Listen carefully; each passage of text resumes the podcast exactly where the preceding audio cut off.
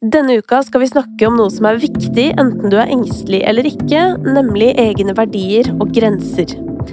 Gjennom arbeidet med denne podkastserien så har jeg opplevd at det å gå på akkord med seg selv, det å la andre og seg selv tråkke over egne grenser, det er noe veldig mange med angst kan kjenne seg igjen i. I dag skal vi bli kjent med en som har opplevd grenseløshet både fra andre, men som også tidvis selv har vært det, artist Maria Mena. Velkommen til kapittel 20 om grenseløshet.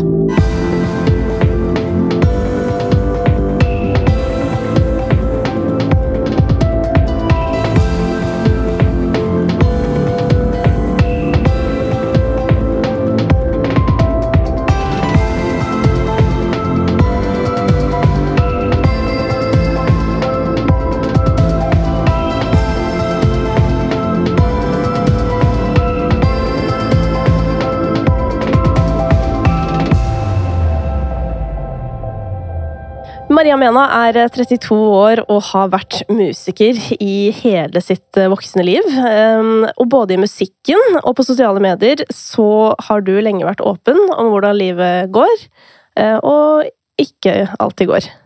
Velkommen til Noia, Maria. Tusen hjertelig takk, og Du- på tide. Ja, det syns jeg. Hvordan, eh, hvordan er dagen i dag, hvis vi skal begynne med det? Eh, For meg, akkurat der jeg er nå, så tenker jeg jeg tror aldri jeg noensinne har hatt det så stille inni sjela mi.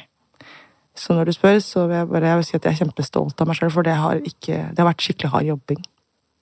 Jeg tenkte på det, jeg satt liksom og, satt og så på The Ellen Show før jeg kom hit. Ja. eh, Under pleddet mitt med den koppen med te, og det så ikke bare kult ut. Det føltes godt òg. Så deilig. Det er deilig når man kan poste det bildet på internett Og bare det smilet, her, ja. og det er et ekte smil. Yes. Ja. Du, um, jeg har lyst til å begynne litt fra starten med deg. Mm. Fordi helt fra de første låtene vi hørte fra deg, så har du delt eh, ting som har vært vanskelig. ehm, og du har også snakka mye om angsten din i offentligheten.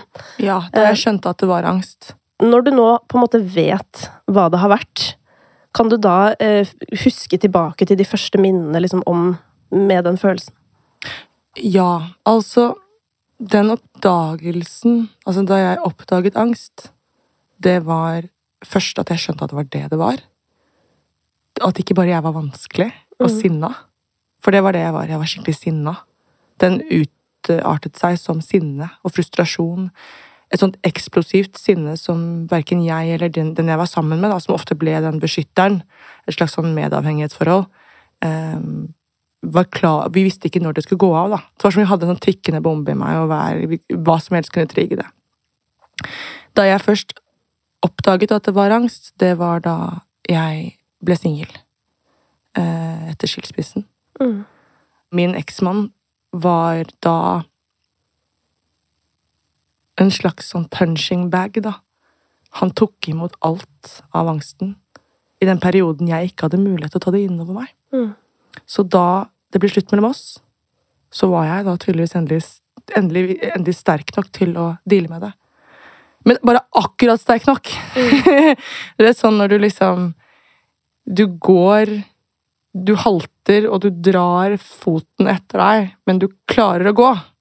Sånn føltes det. Men da ble du kanskje også tvunget til å deale med det, da, når du ikke lenger kunne legge det over på Jeg kunne ikke krangle om det. Jeg kunne ikke finne på et eller annet i en relasjon. Jeg kunne ikke skrike og vræle, og så kommer det et annet menneske og sier unnskyld.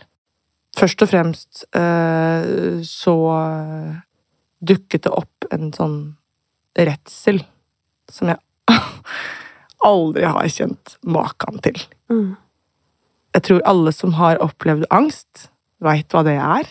Den følelsen av å ikke være trygg i universet. Mm. Og i disse dager, når jeg har et angstanfall, som er ytterst sjeldent, så observerer jeg det med veldig mye nysgjerrighet.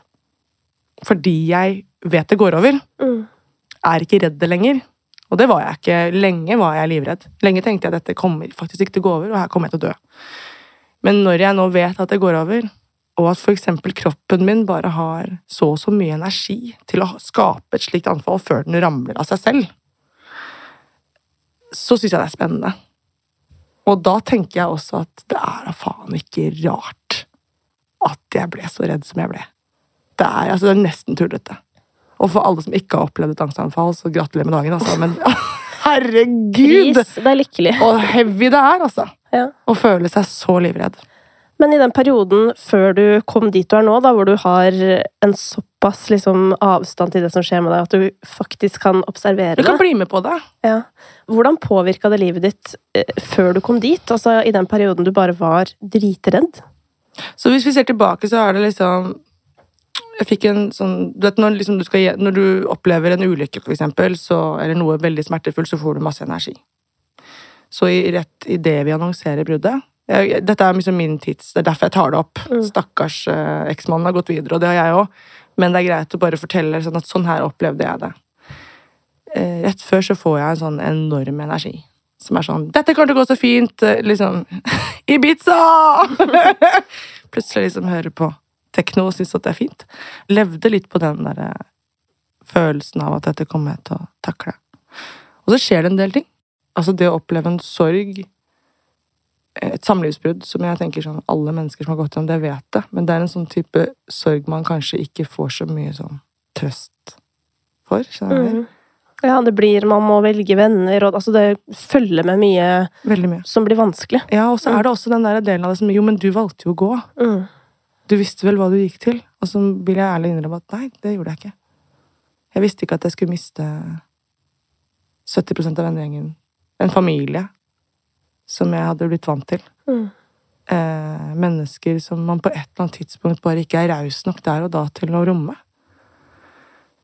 Det er, jeg bare tenkte sånn, det er, det er ikke bare det å liksom Å se noen gå videre, og så ville være sammen med dem, men ikke, og så skulle unne dem det, men også inkludere seg selv og sin egen sorg og alt som er menneske, da. Sjalusi, bitterhet, alle de, ti, alle de følelsene vi liksom ikke har lyst til å anerkjenne, men som Som vi har. Ja. og, og, og den skammen rundt det, da. Så året som fulgte, var jeg bare inne. Jeg kom meg ikke ut døra. Og så er jeg livredd. Livredd for alt. Jeg, alt jeg gjør i, i hodet mitt, er å liksom tenke hvor mye mennesker hater meg. Men hvorfor var det tanken som kom, tror du? Um, ja, den er jo veldig mye dypere. Og hvis man først skal fast forwarde til hvorfor jeg har angst, så må vi langt tilbake.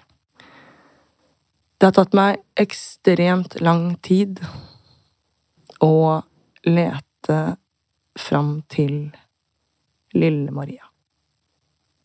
Maria, er fem år, eh, og hva hun må ha tatt inn av inntrykk og opplevd, som har gjort at hun, som Maria, 30 år, fortsatt er livredd. Mm. Jeg har eh, en diagnose, som mange har, som, uh, som er min. uh, det er posttraumatisk stress. Jeg vet ikke hvorfor. Nei. Jeg vet jo Og da mener jeg jeg vet hvorfor, fordi jeg har hatt en, en mamma uh, som har vært grenseløs. Det er første gang jeg har sagt det. Mm. Og som har sine ting. Jeg vet Jeg kan ikke derimot fortelle deg en hendelse. Nei. Men det tror jeg er ganske vanlig, Maria. Det tror jeg jo. Eh, det, jeg gjør litt, det, har gjort, det har gjort det litt vanskelig for meg. Jeg har slitt veldig vært, altså med å anerkjenne overfor meg sjøl at det var nok til å, å skremme dritten ut av meg. Mm. Og så syns jeg noe som da psykologen min har sagt, som jeg syns er veldig fint, er Men tenk alt du ikke husker. Det lille du husker, kan jeg bekrefte er ganske mye. For enhver. Mm. Og tenk deg da alt du ikke husker. Men selv om du ikke husker um, eh, konkrete hendelser, som du sier, eh, går det an å si noe om hva som lå i det grenseløse? Eh, Jeg skal være forsiktig med tanke på at dette fortsatt er et menneske som lever, og hun eh, Og det er viktig for meg også å si at det er mye fint i henne. Mm. Men jeg kan jo si at det var i hvert fall et veldig eksplosivt eh, vesen. Mm. Og da ikke, ikke nødvendigvis negativ. Altså eksplosiv i alle følelser. Og jeg som er hypersensitiv Noe som er litt sånn nytt å si, Mm. føler jeg. men det er jeg. Jeg tar inn alt. Og må ofte være mye alene for å bare i det hele tatt fordøye. I går sov jeg en hel dag. Alt jeg gjorde, var å bake eplekake.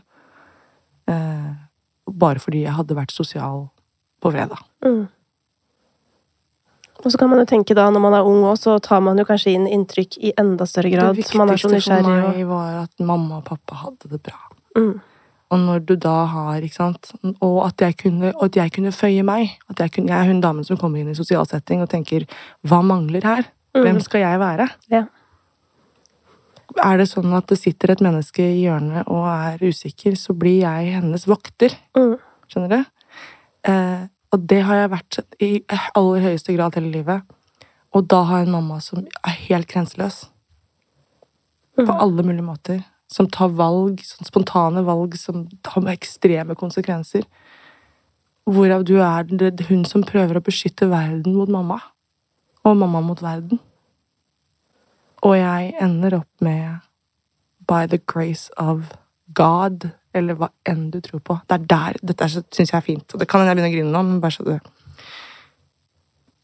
Jeg tror at det er noe mer. Eh, I, i, altså, det passer inn i den kristne Gud, men jeg, det passer inn i generell Gud. Hva enn det er, den kraften, da. Mm. Han er ikke en mann med skjegg, liksom. Jeg syns han ligner mer på Opera i hodet mitt. Men um, den kraften som hentet meg ut av det hjemmet da jeg var elleve år Mm. For jeg var ikke så tøff. Nei. Så det folk skal få vite, er jeg flytta hjemmefra da jeg var elleve. Mm.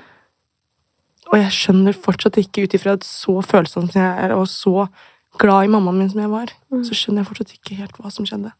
Men det er da jeg var elleve, flyttet til pappa, det er da musikken henter meg. Ja. Det er da jeg begynner å skrive musikk. Så et eller annet sted, når man ser tilbake på liksom, hva var grunnen til at du lever sånn, Mm. så kan jeg ikke noe for at liksom Noen har henta meg, da. Mm. Sagt ok, du skal få Du skal få den styrken nå. Akkurat nå. Og så kan det hende du bare knekker etterpå, men akkurat i dag skal du ha nok styrke til å flytte ut. Fra det stedet hvor Her kommer du til å råtne. da. Det er så utrolig sterkt å høre deg fortelle. Ehm, også fordi vi på en måte begynte med skilsmissen din, og at du forteller på en måte at kanskje du har vært litt grenseløs da, overfor mm. han. Eh, og du har hatt en oppvekst hvor andre ikke har sett dine grenser, og at på en eller annen måte så sitter jo jeg i hvert fall nå og føler på at du har vaka i et landskap som har vært totalt grenseløst grenseløst, på jeg alle måter. Nettopp. Og en av de tingene jeg driver nå liksom finner ut av, er Jeg føler meg dyslektisk i forhold til verden. Og jeg føler at på grunn av min litt grenseløse barndom Bless their hearts. De gjorde så godt de kunne. Mm. Men på grunn av det så måtte jeg også oppdras da jeg traff min første kjæreste. Mm. Og det gjorde han faktisk en ganske god jobb. Karina, jeg har lyst til å bringe deg inn i praten. Ja. Du sitter og, og lytter engasjert. Det er vanskelig å gjøre noe annet når man hører Maria fortelle. Mm. Og medfølende, vil jeg si. Mm. Det er en sterk historie. Maria, altså Fra å gå fra da å være helt grenseløs, så har jo det å sette grenser blitt en veldig viktig del av livet ditt. Ja. Um, Hele tiden. Ja. Og det er hele tiden nye ting. Når blei det tydelig for deg at du må ivareta deg og dine grenser? Det ble tydelig idet jeg skjønte at jeg forsvinner. Altså fysisk, dersom jeg ikke kutter ut eh, et par ting. Jeg er den jeg kanskje er mest grenseløs med. Men hva er det som får deg til å bli da så ekstremt uraus overfor deg selv? Dette er ganske enkelt. Og dette tenker jeg sånn Du kan bli fortalt sitter du, Det å gå til psykolog er jo en sånn det er jo, Folk tror at man går dit, og så går psykologen inn i hjernen din, og så rydder man opp, koster litt, og så setter seg på plass igjen, og så sender deg ut. Men det er Du kan ikke gå til psykolog hvis ikke du er villig til å gjøre jobben sjøl.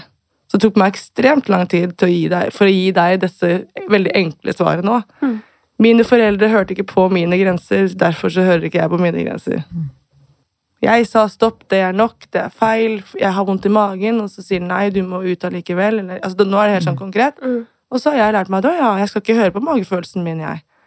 For det er jo ingen, de mest viktige menneskene i livet mitt har ikke hørt på magefølelsen min, eller når jeg har sagt stopp. Eller dette syns jeg er ubehagelig. Ergo jeg lyver. Jeg får Jo, men det er enkelt. Mm, mm. Og det syns jeg er så utrolig sånn Foreldrene dine er din indre dialog. Eventuelt og har du opplevd et, eh, et overgrep som barn, ikke sant. Hva sier det deg? At du er dritt. Du er verdt å, å, å, overgripe. Skal du forvente da at en ung jente voksen opp etter å ha blitt overgrepet som barn, at hun skal behandle seg selv bra? Nei, hun har fått beskjed. Hun er dritt. Det er det som er så sterkt med den, den relasjonen så tidlig i livet. Mm. Og så vil du da velge Jeg har jo selvfølgelig valgt kjærester som har vært drittsekker mot meg. Hvorfor er det sånn egentlig at vi søker anerkjennelse der vi på sett og vis vet at vi aldri kommer til å få kanskje det, man, det vi er ute etter? Maria er jo litt inne på det i å fortelle om den måten hun har blitt møtt og behandlet på, og hvordan hun fortsetter å behandle seg selv på samme måten. Og sånn eh, ser jo jeg ofte også i mitt kliniske virke, da, at det er den måten vi De speilbildene vi får fra eh, omsorgspersoner, nære mennesker som skal lære oss å begå oss i verden. Barn søker hen til foreldrene for å forstå eh, og for å regulere sine egne følelser. Og hvis de speilbildene som kommer tilbake, eh, på en måte ikke passer sammen med, eller ikke er til hjelp for, så blir det vanskelig å navigere også i voksen alder. Man får ikke den opplevelsen av de naturlige grensene. Man lærer det aldri. Eh, og så må man da lære det selv som voksen, og det, jeg vil legge til da, det er jo at psykologien er jo også eh, Og mennesker, da, er jo, er jo såpass tilpasningsdyktige at vi, vi kan også lære dette i voksen alder, men det er en, som du er inne på, Maria, en utrolig tøff jobb å gjøre. Jeg hadde ikke vært her hvis jeg ikke hadde gått til psykolog. Nei. Jeg får bedre inntrykk av mennesker som sier at de går til psykolog. Tenker at ok, du tar vare på Du, tar, du går til en god frisør, du fikser håret ditt, liksom. Og så, og så klipper du neglene dine der, og så går du faktisk til psykolog. Og da tar du vare på sjela di. Mm. Og jeg tror det er flere der ute som har hatt veldig godt av å gå til psykolog. Eller mange. De fleste burde gjort det. Det, det er litt spennende dette med grensesetting, fordi når man har vært vant til å ha det grenseløst, så blir man jo litt sånn vakne. At man bare ok, nå prøver jeg å sette denne grensen, og så denne. Plutselig kjenner du magefølelse som du har lært at du skal høre på. Så kommer det et eller annet utbrudd, og det kan Altså, nå snakker jeg for meg selv, eh, men, eh, men jeg har hatt sånn derre Nei! Det skal jeg ikke!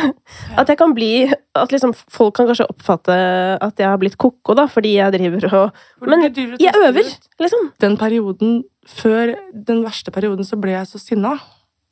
Og så ble jeg sånn, hadde, jeg gikk inn i en sånn ærlighetsperiode, sånn, hvis du syns jeg er ærlig nå, hvor jeg var sånn negativt ærlig. Og jeg hadde så jævlig behov for å fortelle folk hvordan sånn, sånn så det var bare et, et eksempel av liksom venninnen min som hadde gifta seg, som skulle gifte seg og blitt fridd til. Mm. Bare, ja, og så sier hun andre venninnen min Du kan låne brudekjolen min. liksom, sier jeg, men den var helt jævlig stygg! Sånne ting, da. Som bare sånn, Jeg hadde så jævlig behov. Jeg drev og ringte folk for å slå opp med dem. Jeg ringte folk og sendte meldinger til mennesker så for å si hva jeg mente om dem. Men hva Jeg tenkte du at det hadde skulle Ekstremt behov for å ikke liksom gå, ikke være høflig. Ja. Så drittlei av å være høflig. Jeg er så drittlei av å ikke fortelle folk liksom Jeg syns maten var dritvond, jeg. Syns ikke du lagde Ikke sant? Sitte og spise for være høflig. Nå har jeg gått tilbake til det, men jeg hadde det ekstremt sånn, det var vanskelig. Så jeg husker venninnen min Ina Rolsen ringte meg faktisk og sa nå må du slutte. Nå har du slått opp med 17 venner på to uker. Nå må du faktisk slutte, liksom. Hvordan opplevde du det? Jeg hadde, hun hadde jo veldig rett, da. Jeg er enig. Mm. Jeg, bare, det hadde, jeg hadde bare kokt over for meg. Men det kokte over for meg, ikke av dem. Jeg har jo sett i ettertid at det var ikke pga. dem. Det var pga. meg. Mm.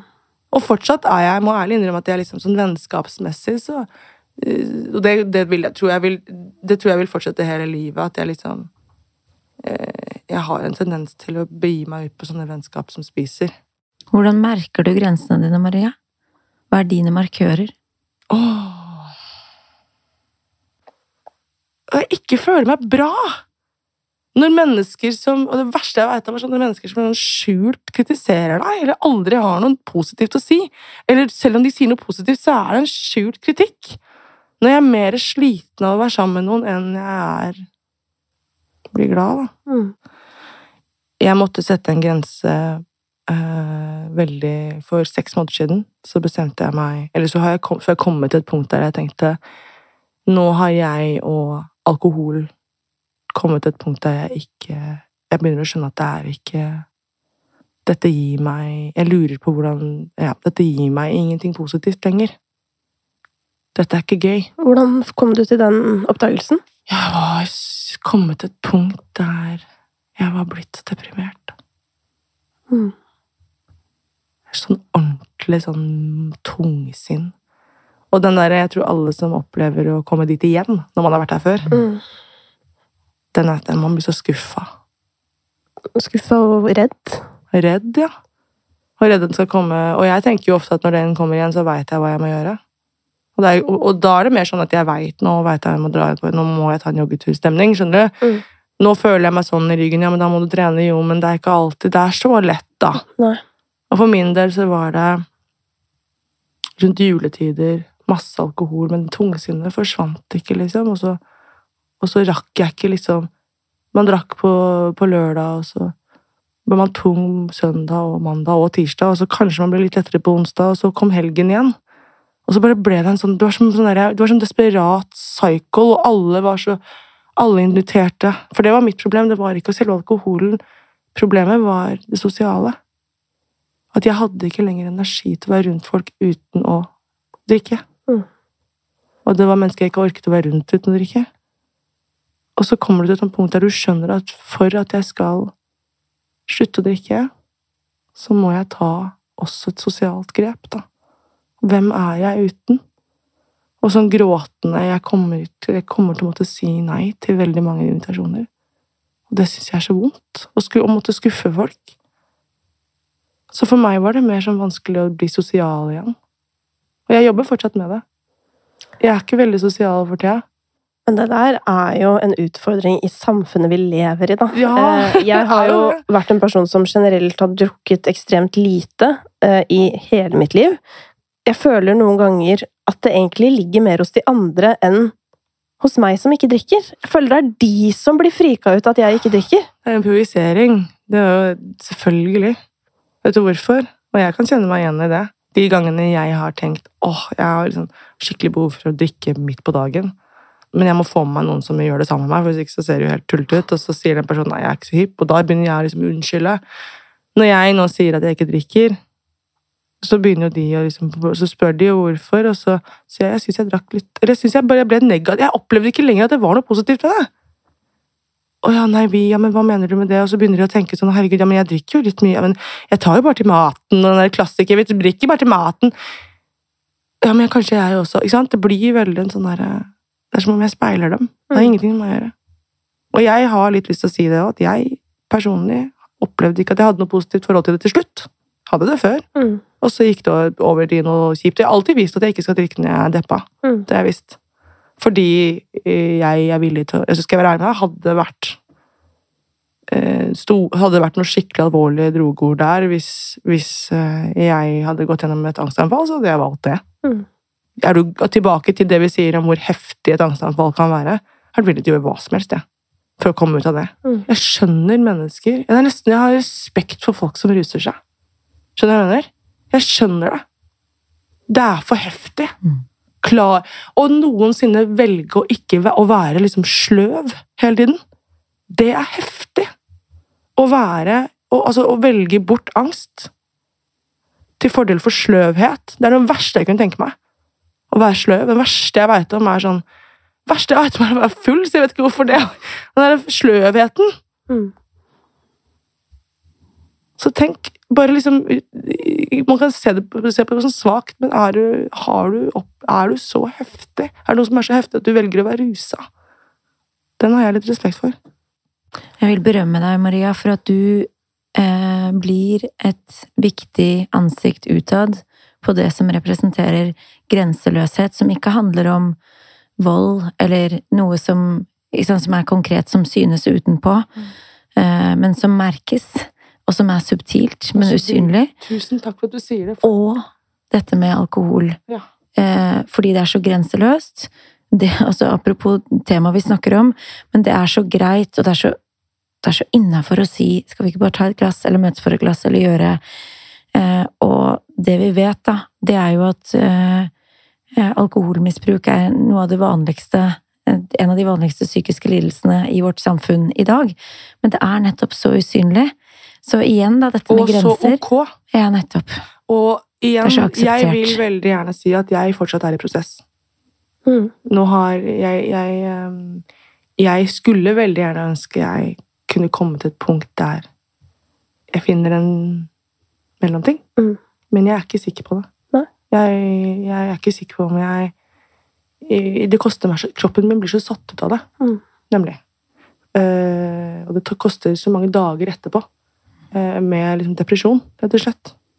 Det går rett i belønningssenteret i hjernen, ikke sant? Så, så, hvis man ser på det rent sånn uh, eh, nevropsykologisk også, så virker det inn på noen områder i hjernen som, som, gjør at man får en nedtur etterpå, ganske naturlig. Og så kan det komme til å påvirke hele livsførselen på en destruktiv måte. Og ta en sånn subtil kontroll som man ikke engang omtrent merker, før det er for sent, før man kanskje sitter i det, eller før eh, alkoholen har Eller de mønstrene som følger med den livsførselen, eh, har tatt overhånd på en måte som som blir en veldig tung prosess å komme ut ifra. Mm. Og så er det igjen ikke enten-eller. Det handler om å være nysgjerrig og, og ha nettopp kontakt innover. Apropos grenser. Mm. Hva er godt for meg? Hva virker for meg? Der er vi også ulike. Mm. Jeg tror at ideen om alkohol syns jeg er gøy. Ideen og, og bildet av et glass med bobler. For meg blir det sånn yeah, jentekveld! Mm. Men følelsen er en annen. Mm. Problemet er bare at jeg glemmer det, eller har, har hatt en tendens til å glemme det så fort. da, Hvor kjipt det er etterpå. Um, men igjen, det, det, og dette er viktig for meg at jeg bare sier det, jeg er, for jeg er menneske. Jeg er i prosess. Så om jeg plutselig drikker vin, så vil jeg veldig gjerne få lov til å gjøre det. Skjønner du hva jeg mener? Det skjønner jeg veldig godt. Um, når det også er sagt, så tenker jeg at eh, det du sa, det setter jeg så pris på. Fordi for meg å få bekreftelse på at den historien min med grenseløshet, at den er stor og viktig, det har tatt lang tid. Og for meg å bryte med store deler av familien min, hvor alle til slutt sier 'men det er jo familien din', og jeg hører det altså, hele tiden. Når jeg snakker om det, så hører jeg det. Jeg vil veldig gjerne be om respekt for at det er mitt valg, men det har kosta meg mye. Konstant uh, i meg selv at Å gi det tyngde nok. Gi meg sjøl tyngde nok. Til å kjenne hva som er riktig for deg. Det er riktig mm. for meg. Og fra nå av jeg har lovet meg selv å høre på mennesker når de setter grenser. For det er ikke alltid jeg har vært god på det. Nei. Og det å høre at okay, Nei, men jeg vil ikke. Nei, ok. Selv om jeg kanskje tror jeg vet bedre. Du har en berettiget stemme. Du har Hva enn dette var mm. for deg, så var det stort nok til at du tok det valget. Mm. Og det respekterer jeg. Jeg har jo hatt et stort behov for å sette grenser. Eh, fordi jeg har tenkt at noe av grunnen til at jeg fikk panikkangst, var at jeg ikke satte grenser. Ja. I det hele tatt. Eh, og det har jo gjort at noen kanskje opplever at jeg er en veldig streng person, for eksempel, fordi jeg har gått fra å si ja til alt som kommer min vei. Jeg har gått fra å være hun som bare går med på betingelser jeg kanskje ikke egentlig er fornøyd med, til å stille krav på en måte, til alt fra økonomi, omgivelser og menneskene jeg har rundt meg. Um, hvordan har du opplevd at du blir møtt når du setter grenser, f.eks. i jobbsammenheng, Maria?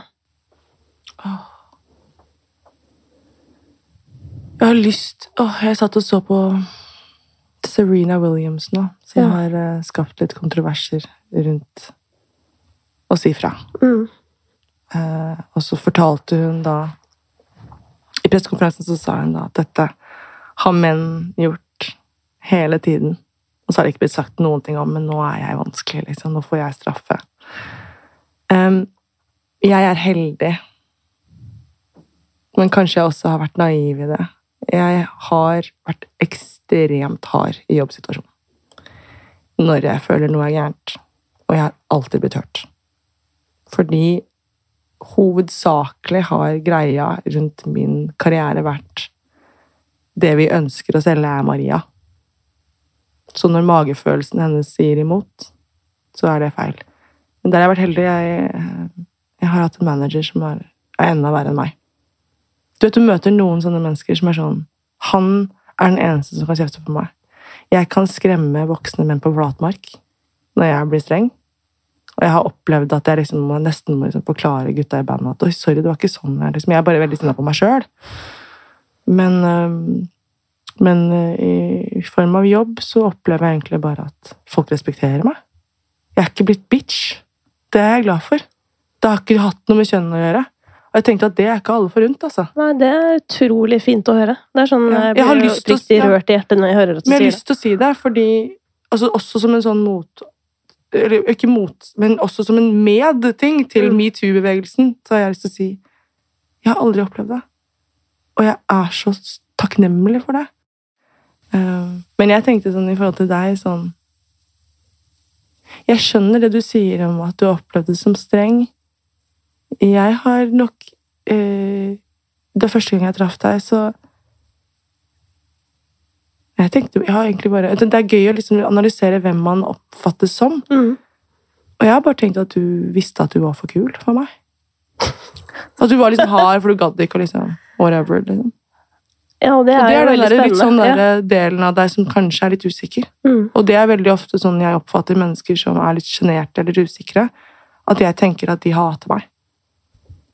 Og det er jo veldig interessant, ikke sant? For da, sett fem år tilbake, så sitter vi på, vi på hver vår side av bordet. Du tror at jeg hater deg. Jeg er redd for at du eh, ikke syns at jeg forstår deg, kanskje. Eh, og så sitter man jo egentlig med hver sin liksom, eh, eh, maske full av egentlig nerver. Ja. Eh, Det er litt den der som å være i skogen og treffe liksom en elg, da holdt jeg på å si. At sånn, han er sannsynligvis reddere enn meg. ja, ja. Sånn oppfatter jeg. Jeg er ikke klar over min egen styrke, og det er noe av det jeg sliter mest med å skjønne. Jeg har veldig mye selvinnsikt, men akkurat på hvor, hvor høy jeg er, hvor tydelig jeg kan være eh, Bård sa det. Han sa sånn du, du var jo så tydelig med meg! Så jeg shit, jeg er nok Jeg har gått liksom Det er ikke sikkert jeg hadde tålt min egen tydelighet. Nei. Shit, du krever mye, Maria. Når du sier ja, men sånn er det, ha det bra. Når jeg har bare bestemt meg for noe. Mm. Det er ikke på, jeg hadde blitt så sinna hvis jeg hadde møtt meg. Og det var en sånn runde å gå sånn oi, Og ikke bare det, men hvor autoritær jeg kan oppleves. Hvor lite, Og det er en av de tingene som gjør at det tar lang tid for folk ser at jeg har det dårlig. For jeg skal klare sjøl. Mm. Og når vi er inne på det, med hvor ille det har gått for din del til tider, Maria, når eh, grenseløsheten har tatt over, eh, så er det jo også dette med at selv om man lærer å sette grenser, så kan det jo også gå for langt i den retning. Ja. Um, tenker du at du har satt noen grenser for deg sjøl, Maria, som har endt opp med å kanskje være destruktive? Jeg står og vipper. Jeg, står helt, jeg er alltid, sånn på et eller annet tidspunkt så kan jeg alltid utvikle en ny spiseforstyrrelse. Alltid utvikle liksom, Dette behovet for kontroll er jo anoreksien min. Mm. bulimien min. Ehm, overspisingen min. Jeg har eh, opplevd det definitivt å ha slått opp med venner som jeg ikke bør ha slått opp med. Jeg har definitivt opplevd å ha slått opp med kjærester jeg ikke ville slå opp med. Um, definitivt. Jeg skriver en låt om det på neste plate. Vi får se om den kommer da, ut på plata, men den handler om min forklaring til de som kanskje nå sitter igjen og bare lurer på hva som skjedde. Og det er mer det at jeg klarte ikke å være alt. Fordi jeg har liksom et bilde av sånn At man er Altså sett at man står i stua si, da. Noen har tråkka på grensene dine så til de grader at man er helt frustrert. Man tar det man får tak i, og bare kaster det rundt. Apropos den perioden jeg ringte alle og sa 'nå er det nok'. Ja, men det er nettopp det jeg mener. Men ikke ja, sant? det og da, for da blir man sånn Men vet du hva jeg har lært? Som jeg syns er sånne ting som vi alle må bare si til oss selv. Det er lov å ombestemme seg. Ja. Det er lov å ombestemme seg. For det er lov å si unnskyld. Jeg har så mye plass til noen som sier unnskyld. Jeg, jeg har så mye plass. Hvis du hadde kommet til meg og sagt Vet du hva, jeg, trengte, jeg var så sinna da, og jeg har bare trengt å få lov å få det ut, men jeg Altså, hvorfor skal ikke jeg ha plass til det? Hvorfor skal ikke jeg få lov å si En av de tingene jeg lærte sånn scenemessig, var å si hvis jeg begynner feil på en låt, så fram til ikke en direktesending, så kan jeg si Nei, det var folkens. Det opplevde jeg Gunhild Sundli til å gjøre en gang. Hun Mm. begynte, og det var så stygt å høre på. Og så sa hun dette her kan ikke jeg stå for! Jeg må få lov å begynne på nytt, liksom. Ja. Og publikum bare heia. Og tenkte jeg Hvem har sagt at ikke det er lov Mm. å begynne på nytt? Hvem har sagt at så framt vi lever og puster, og at ikke vi kan ombestemme oss? Og at jeg får lov å gi meg selv det? Kan hende jeg sier noe i dag som er sånn Og så kan jeg rett og slett si Om, om ti år sier jeg at det er jeg ikke enig i lenger. Vi har noen grunnleggende personlige rettigheter.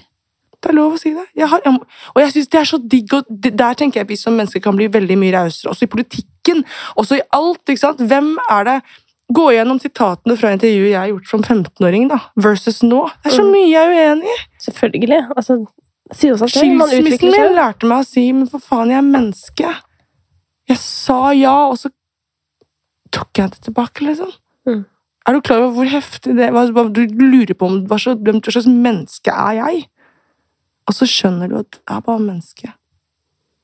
Er Vi gjør så godt vi kan. Mm. For meg å få lov å komme hit, og for at du har brukt noiaen din til å lage noia, at jeg har brukt dette livet mitt den, til å faktisk tørre å komme hit. Det er et par ting jeg har sagt i dag som jeg ikke har sagt noensinne. Jeg er ikke så redd lenger for å vise meg som menneske. Men takk for at du gir meg det, den plattformen. Eh, og takk for at, og så tenker jeg at liksom, det var dette vi skulle gjøre. Mm. Det var dette. Det er dritfint. Vi møttes da det gikk ganske så dårlig med deg. Mm. Og tenk, hvem hadde trodd? Ja, nå blir jeg veldig rørt òg. For det vil jeg jo si før du går herfra, Maria, det er jo at em, når man får panikkanfall, så er det jo så tøft. Eh, både fysisk, men kanskje aller mest psykisk, fordi man skjønner på en måte ikke hvor livet skal gå videre derfra, fordi det er så ekstremt. Og da er det veldig få holdepunkter man har. I hvert fall sånn med en gang så kan jeg jo lære altså Jeg lærte jo hva som skjedde med meg, og jeg lærte hva som skjedde i kroppen, med fysikken, reaksjonene. Alt det her. Men likevel så var jo liksom bare sånn Men det her kommer til å komme tilbake, liksom. Og hvordan skal jeg leve? Hvis dette her skal komme inn i livet mitt, for det kommer ikke til å gå. Og da var det to mennesker i offentligheten som gjorde at jeg tenkte at det kan gå. Og den ene var Agnete, som sto på Eurovision-scenen og fremførte sangen sin. Hun gjorde ikke intervjuer, hun viste at man kan gjøre det man brenner for, men man kan droppe det som ikke gir noe, og som tar energi. Og den andre var deg, som gjennom hele livet ditt og alt du har møtt på, har stått på to ben. Du har stått der. For meg er jo du en bauta, liksom. Selv om du, for deg, sikkert i store deler av livet ditt har følt deg som på en måte det stikk motsatte av det. Jeg har lyst til å takke på vegne av alle oss som har sett på deg og følt deg gjennom et halvt liv, nesten. Eller i hvert fall, i hvert fall et halvt liv fram til nå, eh, som det jo er. Eh, og bare takke for det motet du har utvist. Og jeg føler også at du er en person som viser nettopp at man kan man kan forandre seg, man kan ombestemme seg. Man kan bli annerledes, er man kan bli eldre, man kan lære mer. Og det er så digg, liksom. Skal man ramle et par ganger, skal man reise seg igjen. Ja. Takk for at du sier det, for det er liksom Det gjør at det er deilig å ramle litt, og så vite at man skal klare det. Takk, Kristine. Vi er så takknemlige for at Maria Mena valgte å dele sin historie her i Noia. Og husk at hvis du har spørsmål om grensesetting eller grenseløshet, så kan du sende de inn til ukas spørsmålsrunde via noiapodkast.no. Der er du helt anonym. Du kan selvsagt også sende det via Insta eller Facebook-siden vår, men har du lyst til å forbli anonym, så er nettsiden stedet.